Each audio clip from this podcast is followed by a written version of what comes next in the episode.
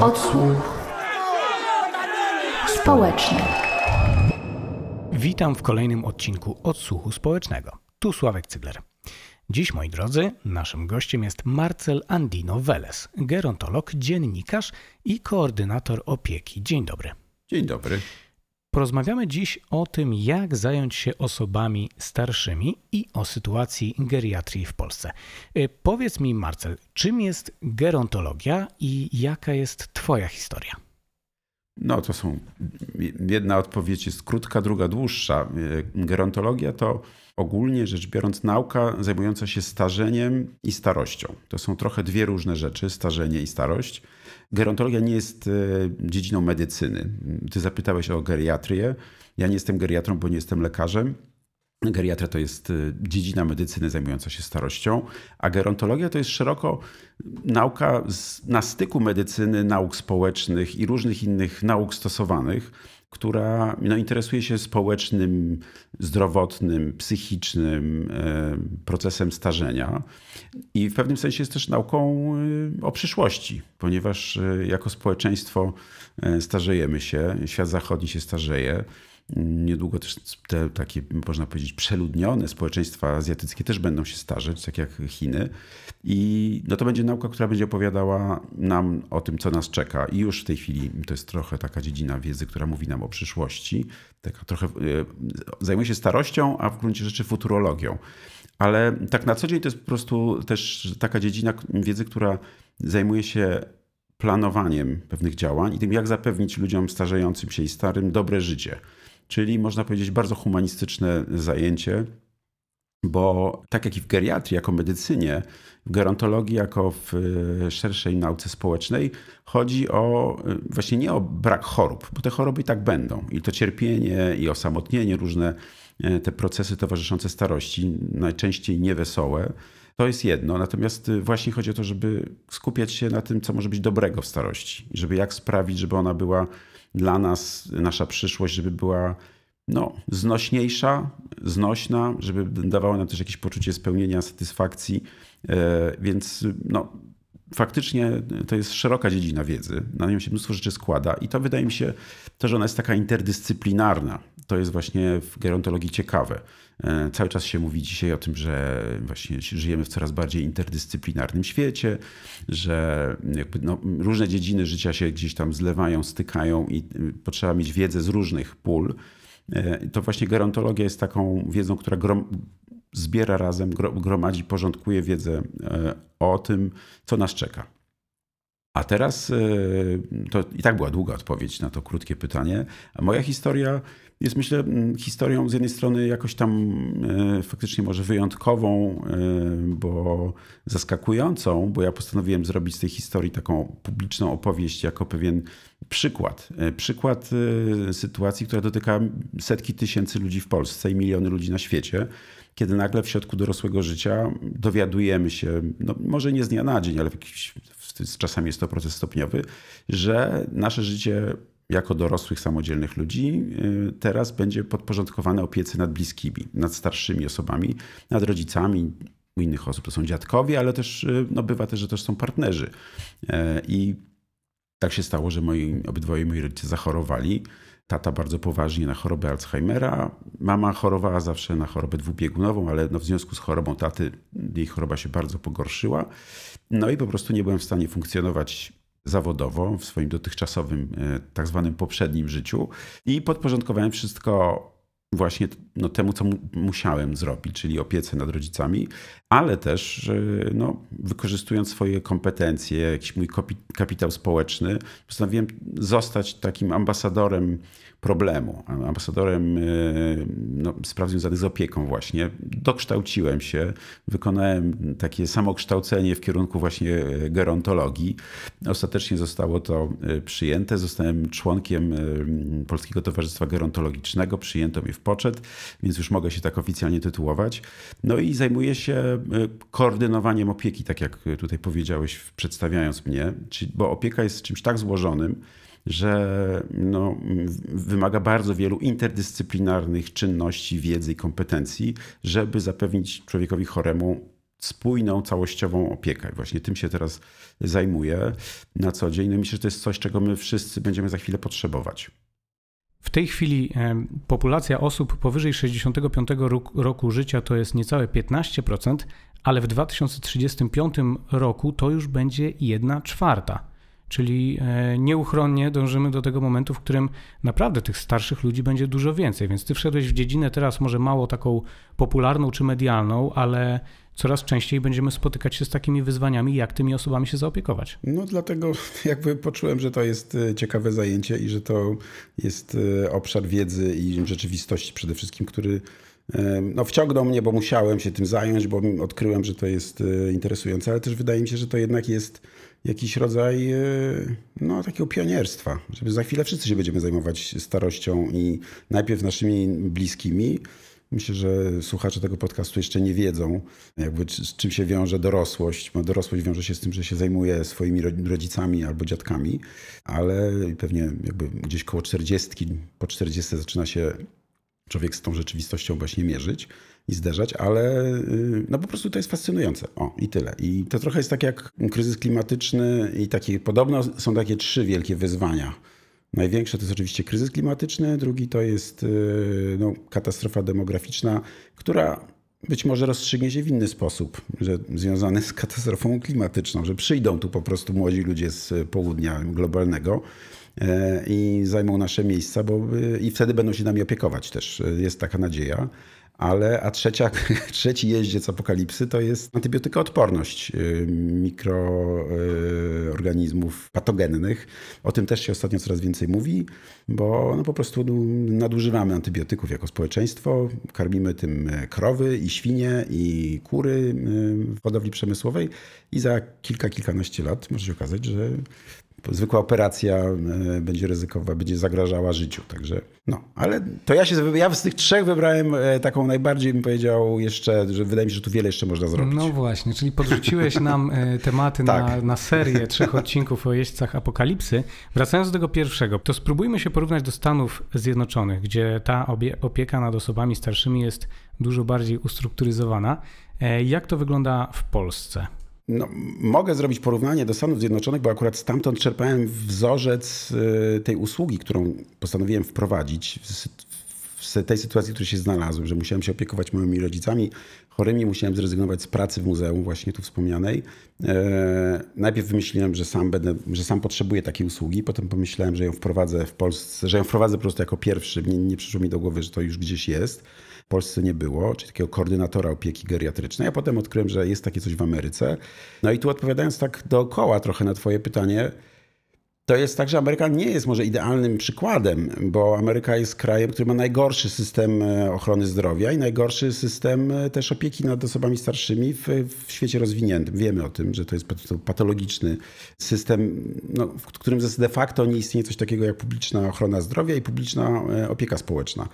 Ale ta moja propozycja, to moje rozwiązanie, ten koordynator opieki geriatrycznej, to jest, żeby to jakoś tak wiązać z tą Ameryką przez chwilę, to jest ktoś, kogo amerykański Narodowy Instytut Starzenia się y, definiuje jako zawodowy członek rodziny. Czyli to jest ktoś, kto bardzo różne potrzeby właśnie interdyscyplinarne, chociaż nie wiem, czy potrzeby mogą być interdyscyplinarne, ale różne interdyscyplinarne działania podejmuje, żeby tej chorej, niesamodzielnej osobie zapewnić takie 360 stopni bezpieczeństwa. Nawet jest takie określenie też good spider, że to jest ktoś, kto splata tą sieć taką zabezpieczającą, żeby ten właśnie starszy człowiek wymagający opieki nie przeleciał przez nią i jakby cały czas zatyka dziury, bo właśnie ta porównanie, ta metafora sieci pajęczej jest dobra, bo y, to pokazuje, że z różnych stron cały czas trzeba asekurować tego kogoś, że to nie jest tylko zdrowie, ale też szereg innych spraw i że właśnie Zresztą geriatria,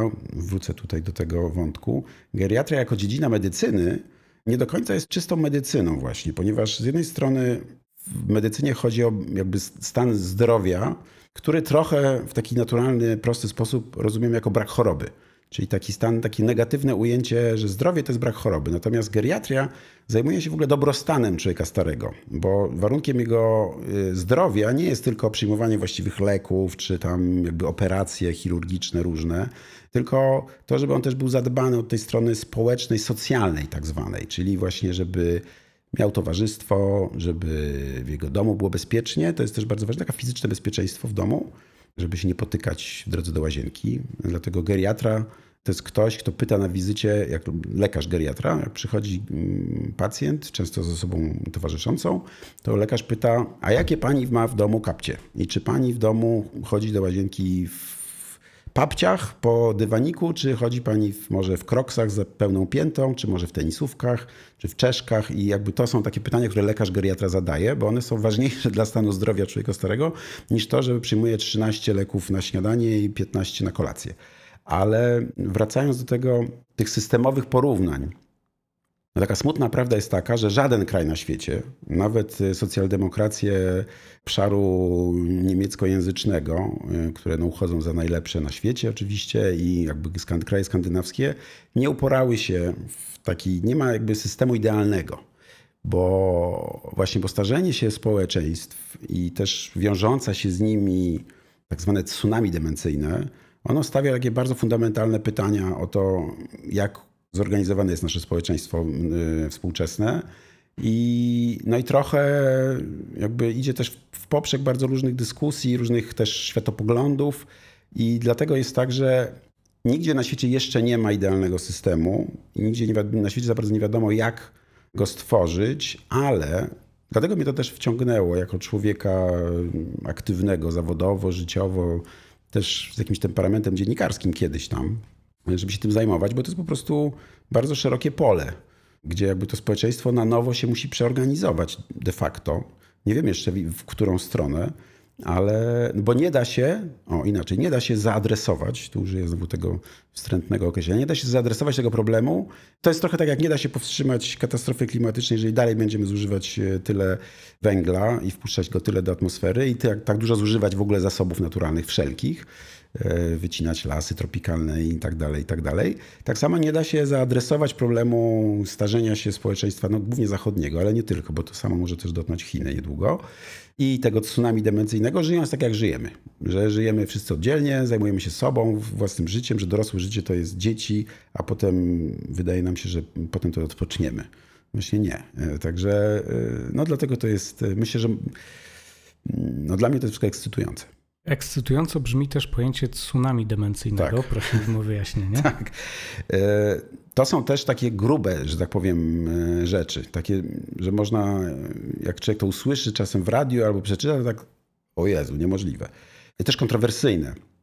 Bo jest tak, że współczesna medycyna no w zasadzie już jakby zmierza już do pewnego takiego absolutu, już do tego, że można doprowadzić w zasadzie przy dobrej ochronie zdrowia, my, jakby ludzie w naszym wieku i młodsi, którzy już nie palą, mniej piją, uprawiają dużo sportu, zdrowiej się odżywiają, to my wszyscy, te takie cyborgi zachodu, te młode cyborgi zachodu, my w zasadzie możemy dożyć do około 120 lat. I medycyna współczesna przez ostatnie kilkanaście, to już szczególnie, ale przez ostatnie jakieś 30-40 lat, yy, niesłychanie jakby ograniczyła umieralność ludzi w krajach rozwiniętych oczywiście z powodów dwóch podstawowych kiedyś, czyli z powodu kardiologicznych i z powodu onkologicznych, czyli raki i choroby sercowo-naczyniowe.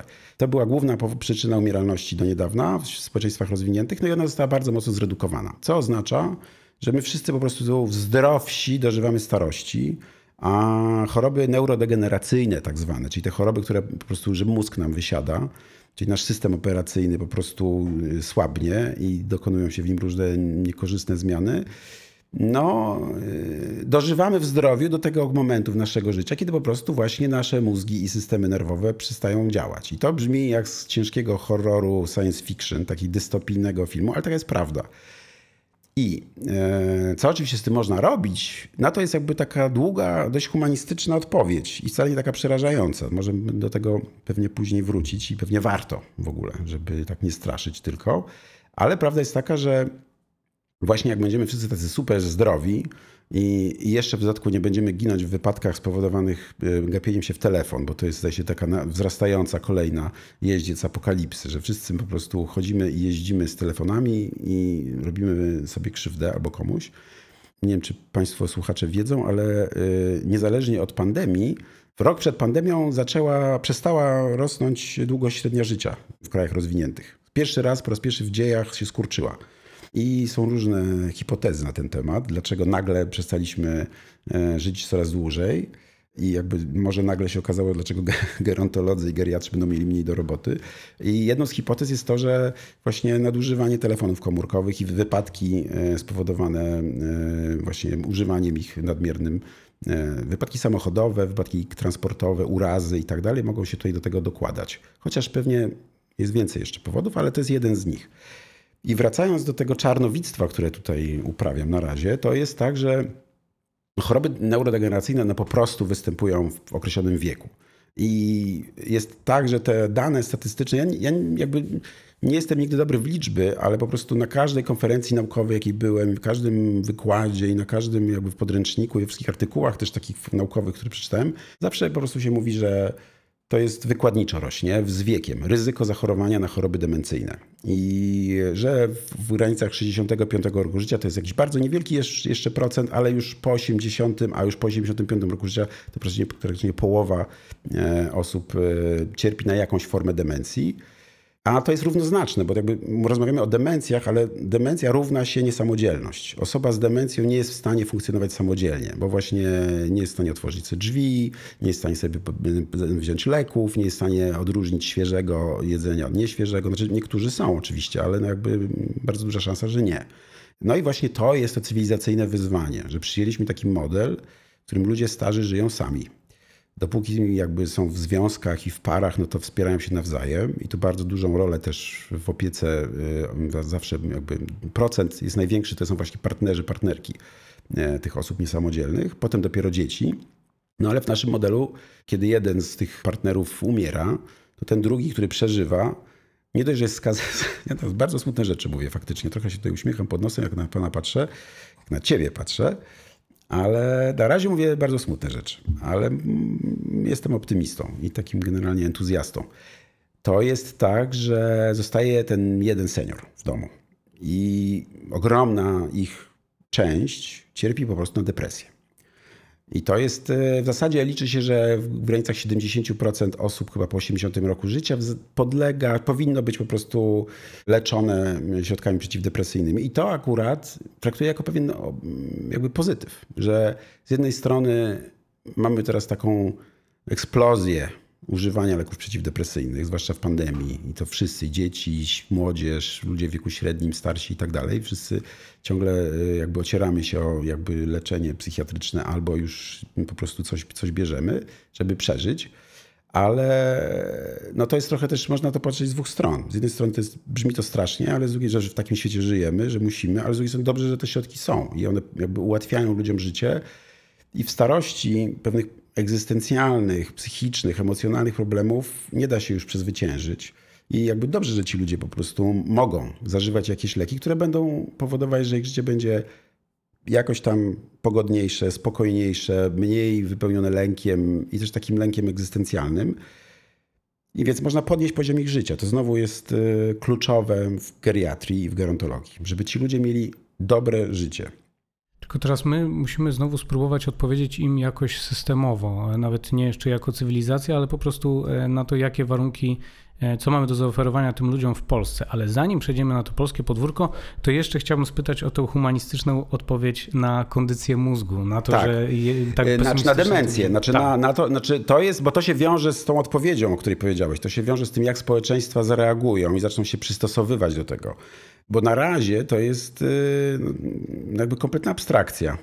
Na razie dużo łatwiej nam jest sobie dzięki mediom, dzięki temu, że jakby realnie ten kryzys klimatyczny zaczął, stał się tematem. Oczywiście to się obróciło, nie wiem, czy już robiliście e, podcast o greenwashingu i o tym, że teraz wszystko wchodzi się do sklepu, gdzie stoją rzędy plastikowych opakowań chemicznych, jakichś substancji, one wszystkie są ekologiczne i rzekomo jakby po prostu z powietrza i z wody zrobione i nie wiem, z suchych liści. No więc jakby żyjemy w tej, w, tym, w, tym, w tej fikcji kompletnej, że to wszystko jest takie eko, ale już jakby wiemy, że coś jest nie w porządku z naszym trybem życia i wiemy, że coś tu jest, nie, że tu coś należałoby zmienić. Oczywiście ten proces do, jakby uświadamiania sobie tego nie idzie w parze ze zmianą za żadną specjalnie, no bo jakby nie ma zwrotnych butelek, prawda, nie ma jakichś ograniczeń w podróżowaniu, e, na przykład e, private jetami można sobie latać, prawda, tak, Jeff, Bezos może spalić jakiś bazylion tego CO2 lecąc w kosmos, bo go stać, prawda? No to jakby nic się nie zmienia, ale nasza świadomość się zmienia. Natomiast no, równie ważne wyzwanie, przed jakim stoimy, czyli właśnie to, że no, ktoś tymi milionami niesamodzielnych starszych ludzi będzie musiał się zajmować po prostu fizycznie. Na razie jeszcze sobie z tego nie zdajemy sprawy, a to jest y, problem cywilizacyjny, kulturowy, że po prostu nas się do tego nie socjalizuje od dziecka. Nikt nas nie uczy. Właśnie tu widzę za tobą e, zabawkę e, twojego dziecka, które domek, taki domek dla lalek. I no, twoje dzieci po prostu rozumiem, że jakby uczą się, że w tym domu są małe laleczki i one tam będą, dziewczynki będą tam właśnie gotować i tak dalej, i tak dalej. Chłopcy może też, jakich się przyuczy do tego i przymusi ale no jakby w tym całym zestawie nie ma takiej opcji, że tam jest jakaś po prostu staruszka, która leży w łóżku rehabilitacyjnym i tam trzeba jej pampersika zmienić. Tak i nawet jakbym się w jakichś bardzo oryginalnych sklepach poruszał, to tam raczej takiej no siwej lalki nie znajdę. No właśnie i to, jest, y, i to jest początek problemu. Dlaczego społeczeństwo współczesne nie jest w ogóle przygotowane na taki problem? Dlatego, że od dziecka nie mamy o tym zielonego pojęcia, że nas to czeka że to jest e, zepchnięte gdzieś szeroko rozumianej socjalizacji. Po prostu jak na przykład widziałem w serialu Wataha na HBO, że tam główna bohaterka ma matkę chorą na Alzheimera i jest to źródłem realnych problemów, bo ona jakby tu prowadzi śledztwo, jest bardzo zaangażowana, wszystko tam jest jakby w bardzo sensacyjnym jakby fabule osadzone, a tu nagle po prostu wypada z tego śledztwa, wypada z tych zobowiązków, bo po prostu opiekunka nie radzi sobie z tą matką, albo trzeba jej tej matki szukać, bo wyszła z domu, gdzieś zaginęła. I to jest przykład taki pozytywny, że w tym serialu, który oglądało pewnie miliony Polaków, ktoś o tym pomyślał. Jeżeli będzie tego więcej, jeżeli więcej ludzi posłucha takiej audycji jak ta wasza ze mną, czy tam przeczyta ze mną wywiad w jakimś kolorowym czasopiśmie, to tym lepiej. I gdyby w szkole zamiast więcej po prostu Jana Pawła II było więcej o tym e, właśnie, co nas czeka w przyszłości jako dorastających ludzi, że powinniśmy więcej zajmować się naszymi dziadkami, babciami czy chorującymi rodzicami i żeby się douczyć troszkę o tym, jak funkcjonujemy jako społeczeństwo, że są takie potrzeby w ogóle, że można takie zawody wykonywać, że nie tylko fajnie jest być e, właśnie instagramerką, ale może fajnie jest być też e, pielęgniarzem, czy kimś takim. I nawet można by to jakoś połączyć z Janem Pawłem II, który też przecież przez ostatnie lata życia wymagał. Ale właśnie, bo w ogóle przykład Jana Pawła to jest tak, że ja oczywiście zajmuję się ludźmi chorującymi, niesamodzielnymi, w jakiejś tam fazie ich starości, ale no oczywiście jest też ten, ten, ten krańcowy moment, prawda, tego odchodzenia, umierania, który też w Polsce jest y, teraz przedmiotem namysłu jakiejś coraz większej grupy ludzi, żebyśmy nie wszyscy musieli mieć księdza katolickiego, obcego faceta w sukience, który po prostu zawodzi e, coś o naszych najbliższych, nie ma zielonego pojęcia, kim był jakby twój ojciec czy moja matka, a jakby ma do powiedzenia coś mądrego. I chyba ostatni raz, kiedy ja byłem na, na mszy w kościele, to było, kiedy jedna moja babcia zamówiła mszę za drugą babcię, która zmarła i to była jakaś taka msza wieczorna w środku tygodnia i e, ten ksiądz e, po prostu nie przygotował się, no bo co go tam obchodzi, że tam jakaś kobicina zapłaciła za jakąś mszę i miał e, kazanie o aborcji w Bułgarii. To było kilkanaście lat temu i po prostu myśmy tam poszli, żeby zrobić przyjemność mojej babci. I był temat taki, więc ja chciałem wyjść w sumie i to był ostatni raz, kiedy byłem na mszy w kościele. Ale wracając do starości. I dobrze, że, że przypomniałeś postać e, Jana Pawła II, a zwłaszcza bo, bo jego umieranie jest szczególnie ważne w naszej cywilizacji współczesnej, ponieważ w świecie zachodu dzisiaj, żeby umrzeć y, na swoich prawach w sposób naturalny, taki, że po prostu przychodzi ten moment, to trzeba być papieżem głową kościoła katolickiego, bo każdy inny człowiek jest poddany temu i tu jako człowiek oświeceniowy i wierzący w oświecenie mówię coś, co nie do końca jest zgodne z moim światopoglądem, bo właśnie tutaj ten światopogląd się nie spina jakby. Nie da się jakby wierzyć w nowoczesność, a równocześnie wierzyć w jakieś takie no, świeckie sakrum śmierci, bo ono po prostu nie daje się ludziom umrzeć. Ja byłem świadkiem tego wiele razy w różnych szpitalach. Będąc z kimś bliskim z mojej rodziny i widząc jak na innych łóżkach po prostu nie daje się ludziom umrzeć. Za wszelką cenę się ich po prostu tam pompuje jedzeniem przez rurę, mm, jakby odleżyny cuchną, bolą potwornie, bo to są rany po prostu. Tam się je po prostu, no jakby robi się z tymi ludźmi potworne rzeczy. Przypina im się kolejne rury, kolejne maszyny robiące bing. I mówię tu o ludziach starych, mówię tu o ludziach, którzy przeżyli już swoje życie. Nie mówię o ratowaniu za wszelką cenę ludzi młodych, medycyna musi to robić, no bo taka jest logika naszego świata i nasze, na, naszego życia.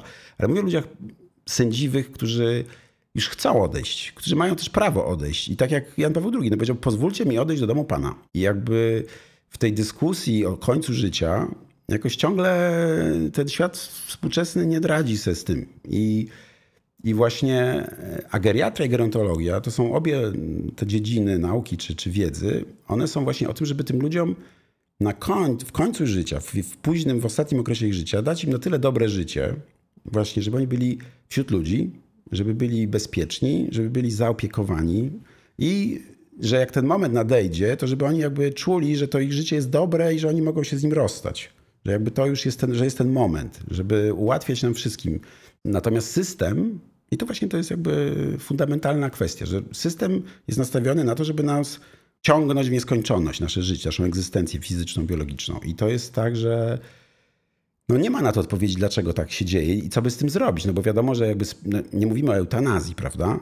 Bo jakby no, takim celowym terminowaniu czyjegoś życia, prawda? Ale mówimy o co zaprzestaniu też terapii uporczywej. To jest też dramat, przed którym lekarze stoją, ale też e, ludzie, którzy się opiekują. Jest starymi, chorymi, bliskimi, którzy też muszą jakby pewien taki rachunek przemyśleń ze samymi sobą zrobić. I tu no ja podjąłem się tej pracy i zająłem się gerontologią i jakby sam chciałem się tym jakby tego nauczyć wszystkiego. Kiedy mój ojciec jeszcze żył, chorował na Alzheimera i nie wiedziałem ile to będzie trwało. Trwało to w sumie 3 lata. Mój tata umarł w zeszłym roku na wiosnę oprócz tego, że starałem się mu zapewnić dobre chorowanie i no, takie dobre warunki do życia no, w ostatnich tych, tych latach, ale też y, no, był taki okres, że ja po prostu musiałem podejmować jakieś takie decyzje, że on zależało jego życie od moich decyzji, bo kiedy lekarz czytał wyniki, ojciec leżał w domu w łóżku, Lekarz czytał wyniki badań, czy tam ma za niską hemoglobinę i należałoby tatę przetransportować do szpitala na transfuzję krwi. I, I moje pytanie brzmiało, a tu już zaczęła się już pandemia, pierwsze tygodnie. I pytam, ale pani doktor, ale nie będę mógł pójść do taty, tata leży bez kontaktu, ale on rozpoznaje, kto jest z rodziny. I tam w szpitalach jest tak mało pielęgniarek i e, opiekunów medycznych, że oni tam leżą w własnych odchodach, nikt ich nie karmi, kładzie się talerz z jedzeniem. Jak osoba z demencją bez kontaktu, nie, nie, nieświadoma, czy jakby no, nierozumiejąca, że trzeba wziąć łyżkę i zjeść talerza zupę. Po prostu oni tak tam umierają de facto, tylko w strasznych warunkach. I ja musiałem po lekarzowi powiedzieć, nie zgadzam się, na co lekarz mi powiedział, dobrze, pan to powiedział, nie ja. No i tak by mamy z tym do czynienia na co dzień. I chodzi o to, żeby też jakby były lekcje etyki w szkołach, prawda? do tego zmierzam, a nie lekcje religii prowadzone przez niezbyt wykształconych, niekontrolowanych przez państwo katechetów którzy tam po prostu jakieś eciepecie e, dzieciom wbijają do głowy, to może w jakiejś perspektywie iluś lat byśmy w stanie byli jako społeczeństwo sobie wyrobić jakieś własne e, no, mechanizmy radzenia sobie z takimi problemami. Bo tak, to wszyscy wpadamy w to nagle, po prostu nagle zaczyna się. Dzwoni szpital, że mama miała udar, ktoś się zebrał z ulicy, pogotowie zawiozło. Albo że babcia się przewróciła w drodze do łazienki, złamała szyjkę kości udowej i już więcej nie wstanie, bo nie można już jej zoperować, bez za stara i będzie leżeć. I tak dalej, i tak dalej. Także się bardzo rozgadałem. I bardzo słusznie, bo ja mam wrażenie, że y, spotkamy się jeszcze w jakimś odcinku odsłuchu społecznego. Teraz będziemy musieli powoli kończyć, y, ale tak jak mówię, wydaje mi się, że jeszcze będziemy rozmawiać, bo to, to jest temat rzeka, od którego możemy próbować uciekać, ale, ale, są, tak, bo są jakby, no jakby zmierzam w sumie do tego, żeby powiedzieć to na końcu, że pandemia też trochę nam, to, nam, nam, w tym pomogła, że można po prostu wymyślać nowe modele. I to, że nagle się okazało, że nawet praca zdalna nie jest, yy, chociaż ma swoje bardzo złe strony, ale jednak dla opiekunów to jest czymś niezbędnym. I znam człowieka osobiście, który nie mógł poradzić sobie z, nie, ze znalezieniem pracy, kiedy sam zajmował się chorą na Alzheimera matką i nie mógł jej zostawić w mieszkaniu i nie mógł znaleźć pracy, bo no, chciał pracować zdalnie. Wrócił specjalnie z Irlandii do Polski, żeby się opiekować matką i nie mógł znaleźć pracy, no bo musiał z matką siedzieć w domu. Jak się zaczęła pandemia, okazało się, że świetny specjalista, przez laptopa pracuje. Więc yy, i te nowe modele, to są też nowe modele zamieszkania, nowe typologie budownictwa, które można zacząć, albo nawet trzeba zacząć wprowadzać. To są nowe modele takich ekonomii sąsiedzkich, że takie nowe modele różnych tych i dlatego to jest jakby bardzo obiecujące, że to jest cała nowa dziedzina ekonomii, cała dziedzina nowa polityki też, jak tworzyć warunki do tego, żebyśmy z jednej strony my mieszkali jednak bliżej fizycznie naszych bliskich, to jest jedna rzecz, ale druga, żeby umożliwić społeczeństwu tworzenie innych więzów, bo opiekować się można, wcale nie trzeba być synem i córką, żeby się dobrze kimś opiekować, a nawet czasami dokładnie jest odwrotnie. Lepiej się opiekować kimś obcym, a własnymi rodzicami może niech się ktoś obcy zajmuje, bo wtedy różne bagaże traum, nie, nie, jakby nierozliczonych y, od dzieciństwa się nie na, no, nakładają. I mm, żeby tworzyć, tylko że jakby społeczeństwo powinno zacząć dawać nam szansę tworzyć nowe relacje i nowe więzi, takie międzypokoleniowe. I też na koniec już powiem, że powinno nam dawać szansę, żeby to jednak jakoś przepuszczać przez jakieś formy wymiany ekonomicznej. To nie zawsze musi być komercjalizowanie takich usług. Moja usługa jest komercyjna, no bo jakby muszę z czegoś też żyć i jakby zarabiać e, na rachunki, na moich pracowników, na wynagrodzenia ale jakieś formy wymiany też yy, w tej opiece można znaleźć. Jakieś formy no, takich mikroekonomii właśnie. To są takie czasami usługi, które kosztują 15 zł. Że można poprosić, żeby ktoś przyszedł zmierzyć cukier, albo wyprowadził psa, prawda, albo coś tam, albo zabrał do siebie do domu po sąsiedzku, i, ale to jest, sąsiad jest kimś obcym, więc nie będziemy go prosić o uprzejmość, ale jak mu zapłacimy na przykład 40 zł za to, żeby przyszedł wieczorem, posiedział z naszą mamą, to już prawda? Jest to jakaś, jakaś taka zachęta. I grunt, żeby to skoordynować, zastanowić się, no, zorganizować. I jakby tak. na, tym, na tym polega Twoja praca. Tak, tak, no w dużej mierze tak. Mhm. Bardzo serdecznie e, dziękuję za rozmowę. Naszym gościem e, był dziś Marcel Andino Veles. Dzięki serdeczne. Dzięki. Dzisiejszy odcinek przygotowała Magda Gromniak-Szi, a realizował Robert Gańko. Zapraszam Was do słuchania kolejnych odcinków Odsłuchu Społecznego, gdzie wszelkie tematy e, dla ludzi wrażliwych społecznie poruszamy i tak jak mówiłem, mam wrażenie, że z Marcelem jeszcze się spotkamy. E, zapraszam na wszelkie platformy streamingowe i do usłyszenia. Odsłuch społeczny.